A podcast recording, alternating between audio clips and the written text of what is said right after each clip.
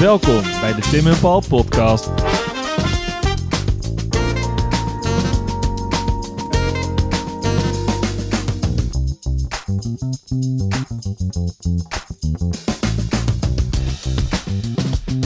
Hallo Paul. Hey, Ik ben de tel wederom kwijt. Eh, Paul, 7. 7. Ja. zal ik beginnen? Ja. Wanneer heb jij voor het laatst een auto-ongeluk gehad? met, met, zelf met de auto of dat ik onder een auto ben gekomen? dat gebeurt nog regelmatig namelijk. Maar ik heb geen rijbewijs. Nee, maar in, en, en in een auto? In een auto gelukkig, eh, gelukkig nog nooit. Oké. Nee, Nou, nou, ik ga toch vandaag met je hebben over de autogordel. tof. Ja, want die is ook uitgevonden. Ja. Ehm, ik neem je even mee. eh, nou ja, ik, ik neem nog, nog een andere, andere fun fact om mee te beginnen. eh, voordat ik je meeneem naar het echte verleden. Wist jij dat in Nederland pas eh, in 1975 de autogordel ver- ver- verplicht is geworden? Dat wist ik niet. En dat het pas in 1992 op de achterbank verplicht werd?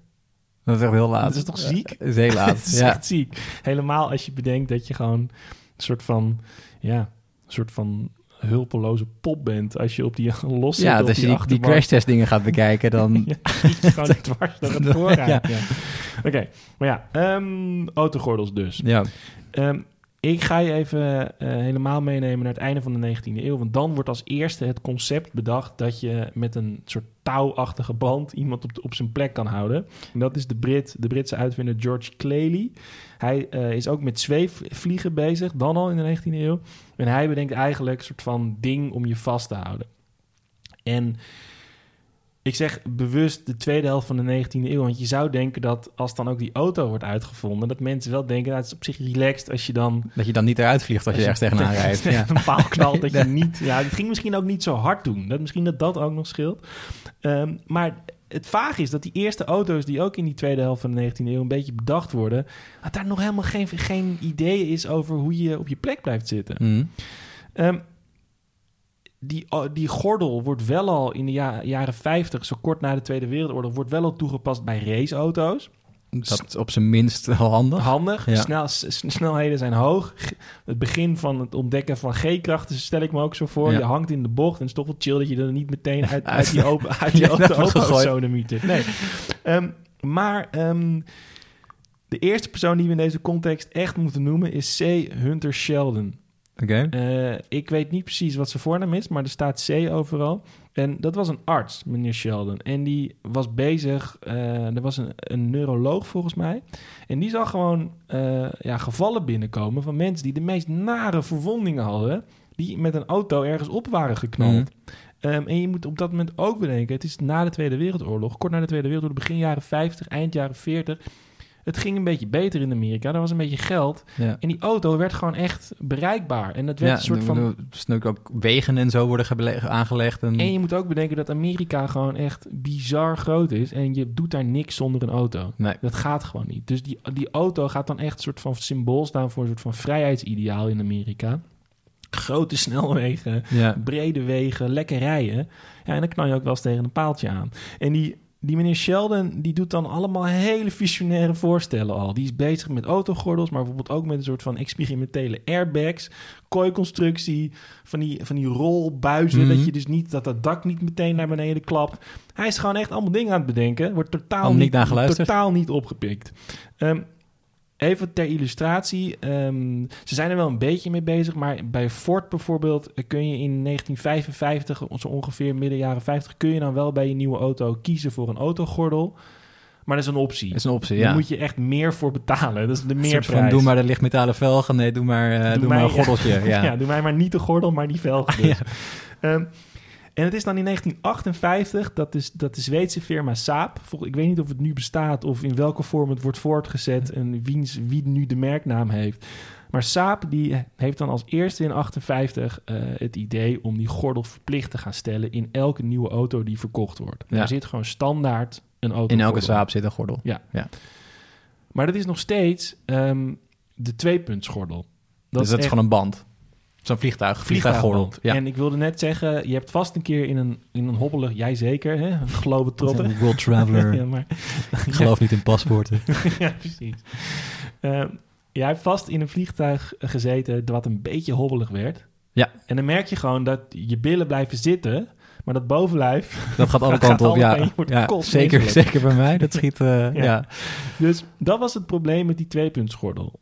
Je bleef wel op je plek zitten, maar dat bovenlijf, dat, gaat, gaat gewoon- wiebelen. dat gaat schieten. En Ja. dan kan je alsnog door, door de ruit schieten en een dwarslesie oplopen, weet Mhm. je wel. Het is nog niet echt veilig. Maar dan ehm, gaan we naar eind jaren 50, gaan we eh, naar Niels Bolin. En hij werkte eh, voor Volvo. Ook Zweeds. Ook Zweeds. En Niels Bolin bedenkt eigenlijk gewoon best wel van scratch, bedenkt hij dat bovenlijf moeten we ook vasthouden. Dus hij bedenkt de bekende driepuntsgordel. Puntsgordel. En dat is nu altijd overal nu gewoon geen optie de meer. standaard. Nee.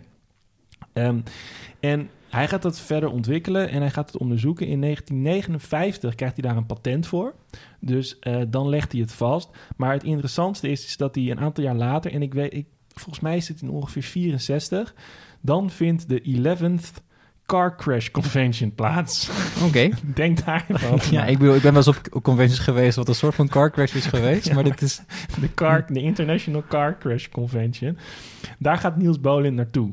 Eh, gewapend met zijn, eh, met zijn driepuntsgordel en een soort van eh, statistiek. En die statistiek is wel heel interessant. Ehm, hij heeft 28.000 ongelukken in Zweden onderzocht. Waarin auto's op elkaar knallen of er dingen gebeurden. Ehm, bij, bij de ene groep was het dus Volvo's waarschijnlijk. ehm, eh, of zijn merk, ik weet niet precies. Maar waren er wel gordels, driepuntsgordels. En bij de andere groep niet. En ehm, maar bij de hele groep, en dan moet ik ook nog even zeggen, hij, hij onderzocht dan, dus dat is een detail wat, wat overal genoemd wordt, ik denk ik dan even moet Dat benoemen. is belangrijk, hè? Ja. Ja. Het waren ongelukken eh, met een snelheid onder de 90 km per uur. In de groep met gordel waren er niemand ging dood. Minor injuries werd, Oké. het, werd het overal genoemd. En bij die andere groep talloze doden. Vlag- Gewoon eh, iedereen gaat ja, eraan. Vlaggen Ja. mensen door de voorruit heen. Ellende, bloedingen, narigheid. Dus toen was wel het een beetje, een beetje zo, zo gevestigd. Zo van, Jongens, dit is echt een goed idee. Niels we- heeft gewoon echt een hele valide punt. En Ja. waarom zijn we hier niet eerder mee begonnen? Ehm, wat er nog wel leuk is aan Niels Bolin... is dat eh, jij noemde eh, de makers van het vaccin tegen polio. Ja, meneer Salk en Sabin. Ja. Eh, een keer eerder. En ik wil nu een lans breken voor Niels Bolin. Niemand kent hem. Maar Niels Bolin heeft ervoor gezorgd dat zijn ontwerp voor die driepuntsgordel vanaf 1968 ook vrij te gebruiken was. Kijk, Dus dus je vandaar niet, niet alleen specifiek voor Volvo's te blijven gebruiken, maar gewoon jongens, die mogen het allemaal doen. maak die gordel. Maak de leven of eh, de, De, de, leven. wereld een Ja. betere plek om te leven. Ehm, en er is dan, dan natuurlijk weer mensen gaan het allemaal kwantificeren en uitzoeken. En er is een statistiek die zegt dat door de uitvindingen van Niels Bolin elke zes minuten een leven gered wordt. Nou, dat heeft ik heb goed geen idee hoe dat berekend wordt. Nee. maar Ja, het aantal Ehm. crashes per minuut, keer eh aantal gordels wordt gedragen wordt of zo. ja, precies. Bedenk, Ja, Meters wat je door de het vooruit zou vliegen. bedenk het dwarsstraat. Maar ik vind, het, ik vind het wel echt sick dat je... Het is heel sympathiek. En dat je dus ook in betrekkelijk korte tijd, dus eigenlijk eind jaren 70, als dat dan vrij gebruikt mag gaan worden. ehm, in 1975 is het dus al in Nederland eh, verplicht dat de bestuurder in van, een, van een auto een, een gordel om moet hebben. Ehm, en dat je dan toch nog tot 1992 92. moet wachten voordat het in die hele auto verplicht wordt. En er werd ook wel op internet geschreven dat dat te maken had met, hè, het is ook weer een, een, een actuele, met eh, ja, Mensen, die- recht op privacy, recht op mensen die vrijheid. zeggen van je bepaalt niet wat ik doe in mijn eigen auto. Ja, dat is wel redelijk Ja, dom. dat. En dan vlieg je lekker door de vooruit Ja, met je vrijheid. Ja. Nou voor je kinderen vooral waarschijnlijk. Dat is Ja, ook leuk. Ehm, gelukkig hebben we niet heel lang geleden, misschien wel lang geleden, de prachtige campagne gehad van eh Gogem Gogem het gordeldier. Ken je die? Gorgelgor. Gor- gor- gor- Ken, je die nog, nog, nog, nog? Bewustzijn op de achterbank met je gordel. ja, Top. ja, nee. Ja. Dus veilig, veilig op straat dankzij eh Niels Bolin. Niels Bolin. Nou, veilig in de auto. Veilig in de auto, ja. Als je dat ding, daar, daar, weet wel- jij, daar weet jij ook Daar ben ik wel van goed als je- in. Als je door een auto wordt vaker, naar links en rechts kijken, denk ik. Het gebeurt me drie keer per jaar. Goed. Ehm, over, jij hebt het over veilige dingen gehad. Mag ik hem overnemen? Ja, Ja. doe je ding. Jij hebt het over hoe de wereld een stuk veiliger is geworden. Ik ga het met jou hebben nu over eh, hoe de wereld een stuk gevaarlijker is geworden. Oké, Want Tim, wat is beter dan één pistool? Twee pistolen. Twee pistolen. En wat is beter dan twee pistolen? eh, een kist met pistolen. Ja, precies. Alleen je hebt wel mensen nodig die dat kunnen afschieten. En het liefst ook een beetje tegelijkertijd. Dus ik wil het met jou hebben over een hele bizarre uitvinding. eh, het orgelgeweer. Het orgelgeweer. Ja, ehm, ook wel bekend als de Ribo of de, de Organ Gun. Ehm, en het is een beetje een vaag apparaat. Ehm, we moeten daarvoor terug naar de, de, de beginjaren van buskruid in Europa. En dus maar dat zit- komt uit China, toch? Buskruid komt uit China, ja. Maar we zijn dan wel al... Dit is inmiddels overgewaaid naar... We zijn eh, wel al dan dat we hier aan, Er aan zijn het al, al zijn. eh, musketten wil ik niet zeggen, maar er zijn wel rudimentaire Kanons, eh, waarschijnlijk. kanons. Nou, Ja. op een schip nog niet. Kanonnen. Kanonnen op het land. Kanonnen zijn er wel. Ehm, maar weet je, je hebt die, die beelden wel eens gezien van die, van die hele, ehm, ja, wat het, renaissance of niet eens nog middeleeuwse eh, geweren die drie meter lang zijn en zes man nodig hebben om te dragen en Ja, dat, dat soort dingen. Dus dat slaat eigenlijk helemaal neer. Je hebt ook helemaal geen klap aan, want je hebt ook gewoon nog kruisbogen en zo. Maar goed, Ehm, kanonnen worden geïntroduceerd en eh, mensen komen er vrij snel achter van ja, dat is leuk zo'n kanon, maar wat ik net ook aan jou vroeg, van wat is leuker dan één kanon? Twee en twee naast elkaar. Dus wat gaan ze doen? Ze gaan een antipersoneel eh, wapen bedenken. Eh, niet dat een kanon dat verder niet is, want hè, kanonskogels zijn best zwaar. Maar je wil meer mensen tegelijkertijd afschieten. Dus wat doe je? Je zet heel veel eh, buizen naast elkaar en dat lijkt dus een beetje op een orgel. Vandaar Ah, op de, de, de, pijp, orgelpijp ja. van een... Ja. Dus het zijn vrij, vrij, vrij smalle, vergeleken met een kanon, vrij smalle kalibers. Het staat op een, op een driepoot. Of op een wagen. En het wordt dus ook voorgetrokken door, eh, door paarden en zo. Je kan het lekker op het, op het, vrij, op het veld neerzetten. Ehm, en dat is eigenlijk de eerste keer dat het op grote schaal wordt gebruikt... is tijdens de 100-jarige oorlog. ah, ja. Dus de, de Engelsen en de, eh, en de Fransen. Wanneer was dat ongeveer? Eh, dat eindigt in de 15e eeuw, 14, 14 15e eeuw. Ja. Jaartallen weet ik niet, niet helemaal precies. Ehm, en dat is natuurlijk wel een kentering, want die, die 100-jarige oorlog... Ja, die kennen we ook vooral vanwege eh, de, de Engelse eh, boogschutters. ja.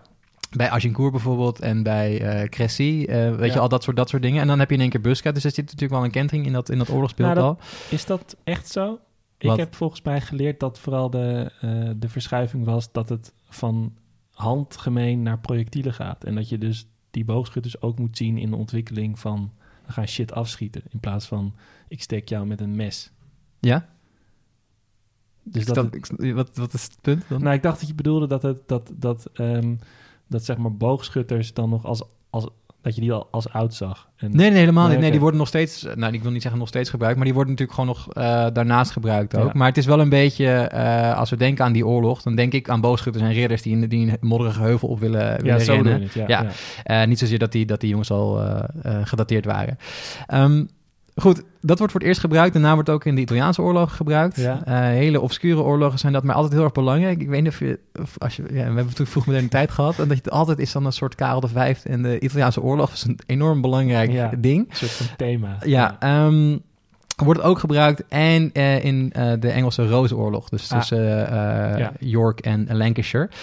Ehm, maar ja, er wordt niet echt verder iets mee gedaan of zo. Dus je denkt, nou, als het er is best wel veel gebruikt ook. En het, het, het, ja, het wordt, veel, het wordt ook wel genoemd. En eh, de grote gekke uitvinder uit Italië, Leonardo da Vinci, heeft, heeft er ook tekeningen van hoe je, hoe je dit, dit, eh, dit kan doen. Dus waarom is het niet populairder? Want je zou denken, nou ja, als je een soort van vroeg modern machinegeweer hebt, dat is echt super relaxed. Dat Ja. scheelt echt heel veel, eh, heel veel gedoe.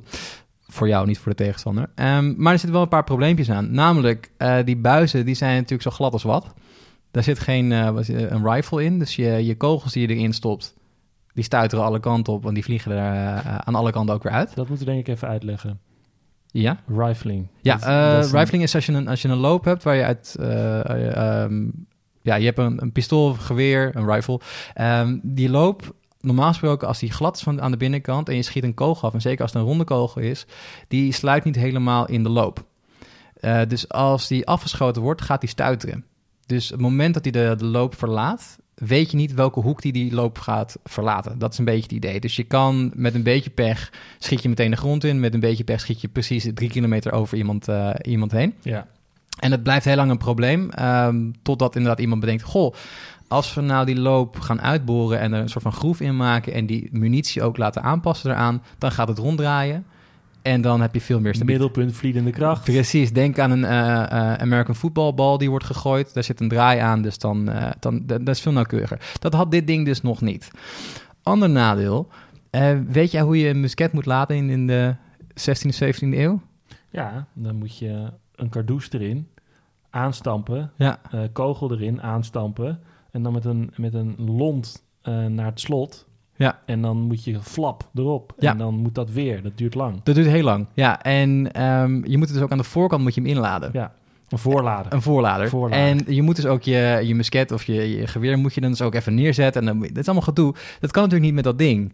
Dus je hebt ook gewoon acht, negen man nodig die dat ding gaan loop zo'n ding Per loop gaan zo'n ding gaan doen. Of één iemand die dan als een gek dat allemaal moet gaan doen en maken dat hij wegkomt. Ja. Of negen gasten dat laten doen. Ehm, maar je kan in, het, in Het is dezelfde... gewoon niet heel het efficiënt. is niet, je? nee, want je kan diezelfde negen mensen die je daarvoor nodig hebt, kan je ook gewoon zelf laten schieten. Ja. Dus eh, het ziet er heel vet uit. En zeker in musea staat het heel vet. En het ziet er allemaal heel gevaarlijk uit ook. En het is zo'n ding wat vaak dan in een soort van historische fantasy... of in eh, eh, dat soort settingen... of Thrones. Game of Thrones. eh, nou, daar zit- daar zit geen buskheid in nog. Maar ehm, wel bijvoorbeeld in... ehm, ik weet niet of je wel is eh, Warhammer, of, of je dat kent. Daar zit het in. Weet je, dat soort setting. Weet je, van die vage geschiedenis slash moderne... Fantasy. Ja, fantasy zit het in. Ehm, maar het werkt dus helemaal voor geen meter. En wat ik net ook in het begin zei, ja, anti, anti-personeelswapen. Een kanon is dat ook. Als wij, hè, wij gaan met z'n, honderden op pad en we lopen in een, in een klein blokje het veld over op zoek naar de, naar de Spanjaard. Kanonskogel vliegt door ons heen. Ja, dan zijn we goed, eh, goed snel klaar. Dus Ja. het was ook helemaal niet zo nodig. Het ziet er wel leuk uit, maar uiteindelijk is het dus totaal niet, eh, niet bruikbaar. Oké. Dankjewel. In tegenstelling tot eh, de drie gordel. Vond jij dit nou een interessant verhaal en wil je meer over geschiedenis weten? Hou dan onze Instagram in de gaten. We zouden het ook heel leuk vinden als je een recensie achterlaat. Vijf sterren, mag gewoon. En heb je nou een vet idee waar we het over kunnen hebben? Slide dan in onze DM's. Durf gewoon te vragen. Tot de volgende.